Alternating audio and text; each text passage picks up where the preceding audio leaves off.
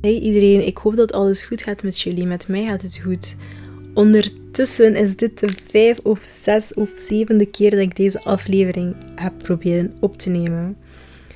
Ik ben super perfectionistisch en ik ben ondertussen misschien een beetje gefrustreerd omdat het lukt niet. Het lukt echt niet en ik wil echt dat het lukt. En vanaf dat er een moment dat er pauze is, blokkeer ik gewoon en heb ik gelijk een hele blackout. Maar ehm, ik wil gewoon de Heilige Geest vragen dat de Heilige Geest met deze aflevering zal kunnen helpen. In Jesus' name, amen. Um, het is de derde dag vandaag dat ik vast en ik heb veel gezien, ik heb veel gehoord in drie dagen. Vooral de eerste dag was het echt wel intens. Like, het is niet moeilijk. Hoe, hoe kan ik zeggen moeilijk? Dat hangt ervan af hoe jij het doet. Ik doe het persoonlijk echt uit liefde, uit geloof. Ik wil het doen, dus ik heb er zelf voor gekozen. Dus ik ga niet zeggen van, ah, het is moeilijk. Ik mag niet zeggen. Mercy. Dus ja, ik heb teachings zitten luisteren. En ik heb veel geleerd uit die teachings. En ik was van, ik moet hierover praten op een podcast. Het moet, het moet, het moet, het moet. Het, is, het was zo mooi. Like, Holy Spirit. Grace, grace. Oké. Dus ik wil gewoon één zin beginnen. Ik wil gewoon beginnen met één zin. We moeten, wij christenen moeten echt werken aan onze fundament. We moeten echt maken, deze tijd, dat is echt niet normaal. Ik weet niet wat er gebeurt de afgelopen dagen, maanden, weken, jaren. Maar ik denk dat elke gelovige kan getuigen dat we echt leven in de laatste dagen. En dat is zoiets cliché dat altijd wordt gezegd in het geloof van wij leven in de laatste dagen, wij leven in de laatste dagen. Maar ik ben echt serieus. Like, voor ons is het misschien, misschien is het pas binnen duizend jaar of binnen honderd jaar, maar voor God is dat al morgen. Voor God gaat de tijd echt super snel. Voor ons ook, maar niet zo snel als voor God. Dus we moeten echt maken dat onze fundament goed is. Dat wanneer de vijand naar ons komt, dat we het kunnen rebuken in Jesus' name. En het is eigenlijk tijd om te beginnen met onze fundament sterk te maken, met onze relatie met God sterker te maken, beter te maken in alle aspecten, maakt niet uit. Niet om hoe jij jou voelt, maar om wat jij weet het woord, het woord van God. Het woord van God is eigenlijk zo levendig dat zelf wanneer ik het niet, niet aan het eten was, dat eigenlijk het woord van God mij eigenlijk aan het voeden was. Gewoon omdat het woord van God, als je aan het vasten bent en je vast bijvoorbeeld van sociale media, van echt gewoon van eten, je eet alleen groenten en fruit, of je doet de vasten van Daniel, dan in het begin kan je misschien denken van, oh, ik moet vasten, ik heb honger, ik heb zin in dit, dit, dit. Het is normaal dat wij uh, dat we temptation krijgen, want zelf de duivel heeft, allez, hoe moet ik dit uitleggen? Like, zelf Jezus werd verzocht door de verzoekt, kreeg een verzoeking van de duivel toen hij in de woestijn was of in de bergen. Like, wauw. Dus wie zijn wij om geen temptation te kunnen krijgen? Wij moeten het gewoon kunnen rebuken in Jesus' name. En direct, like, de duivel heeft direct, like, God heeft direct het woord gebruikt als de armor of wow. Begrijp je wat ik bedoel? Like, Jezus heeft direct het woord gebruikt als verdediging toen de duivel hem kwam uh, bezoeken. Ja, oei, ik was eigenlijk de hele tijd die woord aan zoeken, bezoeken. Toen de duivel hem kwam bezoeken, heeft Jezus zichzelf gewoon verdedigd met het woord. En het woord is eigenlijk zo belangrijk, maar het, woord, het is zo underrated eigenlijk. Like, ik kan het niet uitleggen, het woord is zo belangrijk. Dus het is niet om wat je voelt, maar om wat je weet. Wat je van God hebt gekregen. En de duivel, die komt nu niet meer, like... Die komt nu echt heel... Ik heb gemerkt, de duivel komt de laatste tijd echt gewoon het verstand, of de verstand, van mensen breken. De mentaal welzijn van mensen breken. En vooral ook nu, laatste tijd, van christenen. Like, ik zie veel mensen die zich laatste tijd mentaal niet goed voelen. Uh, spiritual warfares. Oh, warfares. Of ik weet niet hoe ik het moet zeggen. Um, in Nederlands hebben. Dus, snap je? Spiritual warfares hebben. Dus een spirituele oorlog eigenlijk. laatste tijd zie ik echt veel christenen die dat hebben. Paniek, paniekaanvallen, depressies, zelfmoordgedachten. Al die dingen, geloof het of niet, het komt van de duivel. En waarom komt het van de duivel? Sorry, ik, ik heb superveel notities, dus... Waarom valt de vijand ons verstand aan? Luister. Dus eigenlijk, voor de duivel is het eigenlijk veel makkelijker om ons verstand, onze hoofd aan te vallen, want onze verstand zit in onze hoofd. En als je je hoofd aanvalt, dan ben je dood. Als de duivel onze voet zou aanvallen, onze voet eraf zou hakken, dan ga je niet sneller dood dan als je het doet met je verstand. En dat is eigenlijk wat de duivel wil doen. De duivel laat mensen zich minder waardig voelen. De duivel laat mensen zich allee, mentaal gewoon zo slecht voelen dat mensen er gewoon niets meer willen zijn. De duivel komt naar mensen en zegt van, je bent niet waard, pleeg zelfmoord. Je bent niet de eerste persoon die zelfmoord heeft gepleegd. Iedereen gaat toch verder met hun leven, waarom ben je er? Ik wil je laten zeggen dat dat, die gedachten, dat zijn gewoon gedachten van de enemy, dat zijn gedachten van de vijand. En je moet hen direct rebuken in the name of Jesus Christ.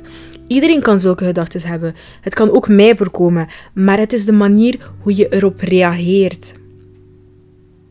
Het is de manier hoe je erop reageert. Like, ik denk, er zijn heel veel spirituele leiders geweest, heel veel pastoren, heel veel christelijke mensen, gelovige mensen, ook ongelovige mensen, die zelfmoord hebben gepleegd. Maar het gaat echt om hoe jij erop reageert. En like, weet je wat het grappigste is? Je kunt echt zien hoe een persoon spiritueel sterk is, hoe een fundament van iemand is. Dus eigenlijk, je kunt zien hoe iemand mentaal goed of slecht is vanaf het moment hoe die ermee, hoe die ermee omgaat. Als je snapt wat ik bedoel.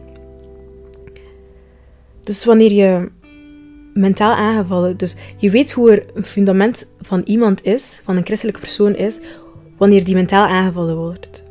Dus stel je voor, ik word mentaal aangevallen. Het hangt ervan af hoe ik erop reageer. Mensen zullen weten hoe mijn fundament is. Dus als je aangevallen wordt door, door de duivel, hoe, hoe reageer je daarop? Met wat je weet of met hoe jij jou voelt? Want voelen, dat is eigenlijk echt iets van... Je moet, jou, je moet niet aangaan hoe jij jou voelt, maar om wat je weet. Je moet het woord erbij pakken. Ah, ik voel me zo. Ah, ik voel me depressief. Ah, ik voel me gelukkig. Ah, ik voel dat ik dit moet doen. Nee, wat wil God dat jij doet?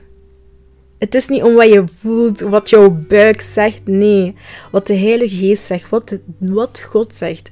Want wat God zegt is geen confusion. Er is geen verwarring bij wat God zegt tegen jou. Ja. En hoe moet ik, hoe moet ik dit uitleggen? Application. Like, je moet eigenlijk gewoon het woord van God appliceren in jouw leven. Sorry dat ik het zo zeg. Ja. En zonder onze hoofd kunnen we niet leven. Zonder onze hoofd zullen onze organen niet functioneren en zijn we gewoon eigenlijk dood. En dat is eigenlijk zo een, like, een van de beste manieren van de duivel om eigenlijk christelijke mensen te attackeren, te aan te vallen, onze verstand. En je kunt zoveel versen van buiten kennen, maar als je die versen niet gebruikt in je dagelijks leven, dan dan is dat ook niet goed. Like, ik weet niet hoe ik dit moet zeggen, maar er zijn zoveel mensen die versen van buiten kennen, maar wanneer de duivel komt, wanneer depression komt, wanneer er slechte dagen komen, wanneer de duivel, de vijand, die persoon aanvalt, dan gebruiken ze het niet als de armor of Jesus Christ. Ze gebruiken het niet als verdediging. Dus hoe ga je zeggen tegen mij, je kent bijna alle versen van de Bijbel van buiten, maar wanneer de duivel je komt bezoeken, dat je het niet gebruikt als verdediging. Like, het is zo een blessing om versen van buiten te kennen. Maar als je daar niks mee doet, als je niet wandelt in het woord van God, dan ben je daar ook niks mee. Dus like, ik raad je aan om gewoon te wandelen in het woord van God. En wanneer de duivel jou weer... Ik zeg de hele tijd duivel, maar ik moet vijand zeggen, want het voelt gewoon niet goed. Wanneer de vijand jou wil verzoeken, dan moet je direct gewoon de woord, het woord, sorry, het woord van God gebruiken. Dat was het eigenlijk wat ik wil zeggen. Like, wauw, tien minuten al. Wat doe jij wanneer de vijand je komt aanvallen? Hoe reageer je daarop? Pardon, kort en bondig. Hoe reageer je wanneer de vijand je komt aanvallen met slechte gedachten, dat je niet waardig genoeg bent als persoon, dat je geen goede persoon bent? Allee, er bestaan geen goede personen, maar we zijn allemaal slecht van aard, maar dat is een andere diepe gesprek, snap je? Door Jezus hebben we salvation, bla bla bla bla bla. Maar ja, wat doe je wanneer de duivel je, de vijand je komt bezoeken? Je moet gewoon direct kunnen rebuken in Jesus Christ. Amen. Dus eigenlijk wil ik gewoon zeggen dat je niet moet geloven in de gedachten die je hebt, de gedachten die in je hoofd zitten, die van de vijand komen. Want alles wat van God is, is geen verwarring. En ik wil gewoon zeggen tegen jou dat je het waardig bent, dat je waardig genoeg bent. En als je gered bent, dat je een kind van God bent. Ook een andere topic. We zijn niet allemaal kinderen van God. Je bent wel eens een kind van God als je gered bent. We zijn allemaal creaties van God, maar we zijn niet allemaal kinderen van God. Dat is denk ik, allee, dat is denk ik wel makkelijk om te verstaan, zelfs voor een ongelovige persoon. We zijn allemaal creaties van God, maar we zijn niet allemaal kinderen van God. Dus als je mest met een kind van God, moet je echt oppassen. Like, God heeft echt onze bek, maar het is ook belangrijk dat je niet altijd dingen gaat doen om wat je voelt, maar om wat je weet. Like, voelen is echt zo. Oh, ik, ik zoek een woord hiervoor, maar het is eigenlijk iets fout. Like, ah, je doet iets omdat je voelt dat je dat moet doen. Nee. Wat zegt de Heilige Geest tegen jou? Voelen is zoiets van, mm, ik voel iets, maar je weet niet als het zeker is, snap je? Want soms zeg ik, oh van, ik voel dat er dit gaat gebeuren. Nee. Wat zegt God tegen jou? Of de Heilige Geest zegt dat dit gaat gebeuren. Dat is helemaal iets anders met ik voel dat er dit gaat gebeuren. Als je dat zegt, dan is het met onzekerheid. Het is niet 100% zeker als dat zal gebeuren. Dus wij christelijke mensen moeten echt stoppen met... Ah, met um, we moeten echt beginnen stoppen met dingen doen uit wat we voelen, maar dingen, we moeten dingen beginnen doen om wat wij weten, om wat wij weten van wat God ons vertelt in het woord, in de Bijbel, en dat moet onze verdediging zijn. Um, ik denk dat ik klaar ben eigenlijk met praten. Ik heb 12 minuten gesproken over eigenlijk gewoon. Ik, ik, ik ben er zelf niet eigenlijk diep over gegaan, want ik wil echt wel diep gaan, maar ik heb echt zo snel gesproken. Dus ja, ik zeg gewoon dat de vijand nu in deze tijd echt veel mensen mentaal zit aan te vallen. En we moeten gewoon sterk zijn, want er zullen veel mensen ook aangevallen worden. Veel christenen zullen aangevallen worden met hun verstand. En er zullen ook veel zijn die zullen vallen, omdat ze beginnen met wat zij voelen en niet om wat zij weten van het woord van God. Dus als je kennis hebt, wandel daar ook in. Wandel in het woord van God. Niet omdat je iets voelt. Niet wandelen omdat, ja, ik voel dit, dit, dit. We moeten echt stoppen met onze meningen te zeggen. Like, hey, luister, ik kan hier een hele topic over doen. Over christenen die een mening hebben over... Kijk, hè. Dit gaat heel radicaal klinken voor bepaalde niet praktiserende eh, christenen. Maar ik praat nu echt gewoon tegen mijn Christians. We moeten echt stoppen met meningen te geven en onze eigen interpretaties te geven aan de Bijbel. Stop daarmee. Like, waarschijnlijk mijn leerkracht godsdienst zo zelf boos worden als ze zoiets zou zeggen. Iedereen mag zijn mening geven.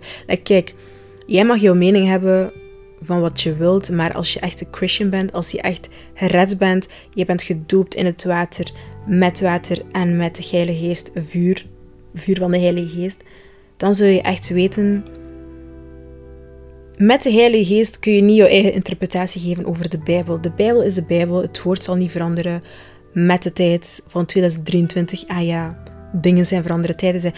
Luister, één ding dat ik zo mooi vind aan onze heilige boek, de Bijbel, is ook al zijn wij in 2040, 2050, het woord zal niet veranderen.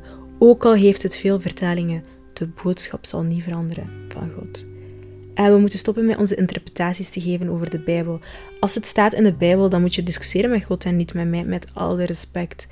En dat is ook iets dat ik haat aan godsdienstlessen op school. van katholieke scholen in België. Waarschijnlijk ook andere landen. Mensen houden van hun interpretaties te geven aan de Bijbel, maar het is niet een. Je moet stoppen met je interpretatie te geven, want ik kan zeggen van, ah ja, ik interpreteer dit zo, zo, zo. Maar als ik het niet, als ik niet heb gebeden op voorhand, dan is het fout. Dus elke ongelovige persoon kan geen interpretatie geven aan de Bijbel. Als je niet gelooft in God en als je de Heilige Geest niet hebt, is elke interpretatie van jou van de Bijbel en elke mening van jou telt niet. Met alle respect, het telt niet. Dit moest echt eruit. Ik, ga, ik moet deze topic een keer maken. Of samen met iemand hierover praten, want wauw. Like, zoveel, ik snap niet, like, met alle respect, ik snap niet hoe godsdienstleerkrachten godsdienstles kunnen geven als ze niet geloven in God. Ik kan begrijpen dat je geïnteresseerd bent in godsdiensten, in geschiedenis, in de kerk. Maar als je de Heilige Geest niet hebt, dan kun je niet praten over de Bijbel. met alle respect. Echt met alle respect. Dat is echt iets dat ik ga blijven schreeuwen. Ik kan soms ook... Ik heb vaak dat ik niet bid wanneer ik mijn Bijbel ga lezen en dat ik het dan ga bidden. Dus bijvoorbeeld, ik pak nu mijn Bijbel en ik begin een vers te lezen. En dan, vijf minuten later, bid ik en ik lees die vers opnieuw. Ik ga een hele andere betekenis hebben over die vers dan voordat ik had gebeden.